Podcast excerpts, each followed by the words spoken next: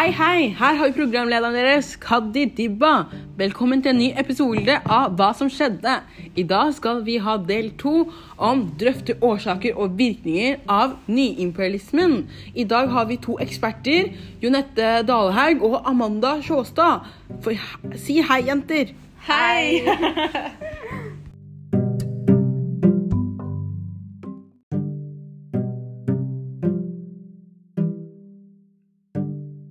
Hei, hei. Velkommen tilbake, Amanda Sjåstad.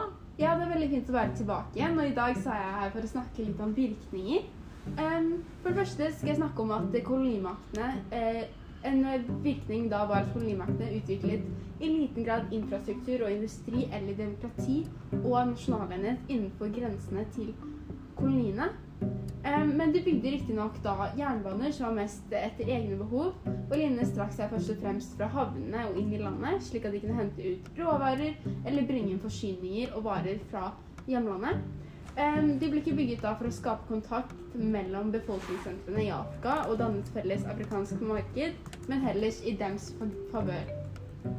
En annen årsak til at mange av de eh, tidligere eh, koloniene har hatt vanskelig med å konkurrere på et fritt marked med industrialiserte land, også etter frigjøringen, er at de tidligere koloniene solgte råvarer i landet og kjøpte ferdigprodukter, som da var den internasjonale ar- arbeidsdelingen, og de ble dratt inn i et internasjonalt økonomisk system de ikke hadde forutsetninger til å konkurrere i.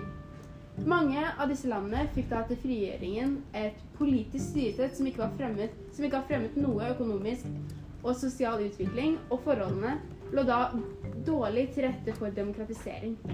Og noen av disse problemene kan delvis forklares som deres fortid som kolonier. Men det var ikke bare politiske og økonomiske konsekvenser.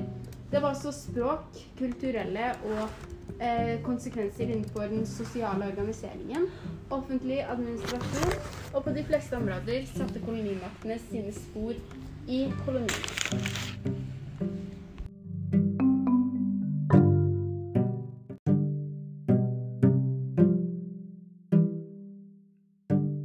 Velkommen. I dag har vi Nette Dalhaug her, ekspert nummer to.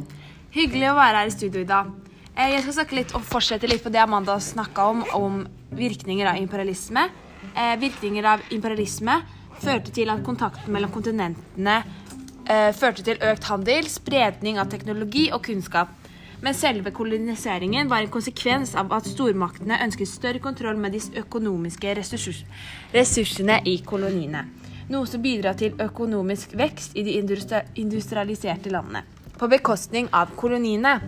Koloniene var i stor grad råvareleverandør til de industrialiserte kolonimaktene. Slik ble det også etter frigjøringen av koloniene.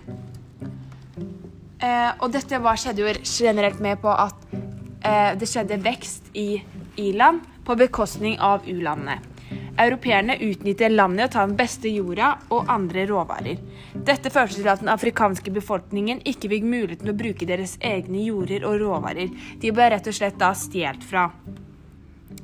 Eh, de fikk ikke noe særlig tilbake for det heller, og i dag, du ser også i dag at Afrika ligger senere ut i utviklingen enn i land.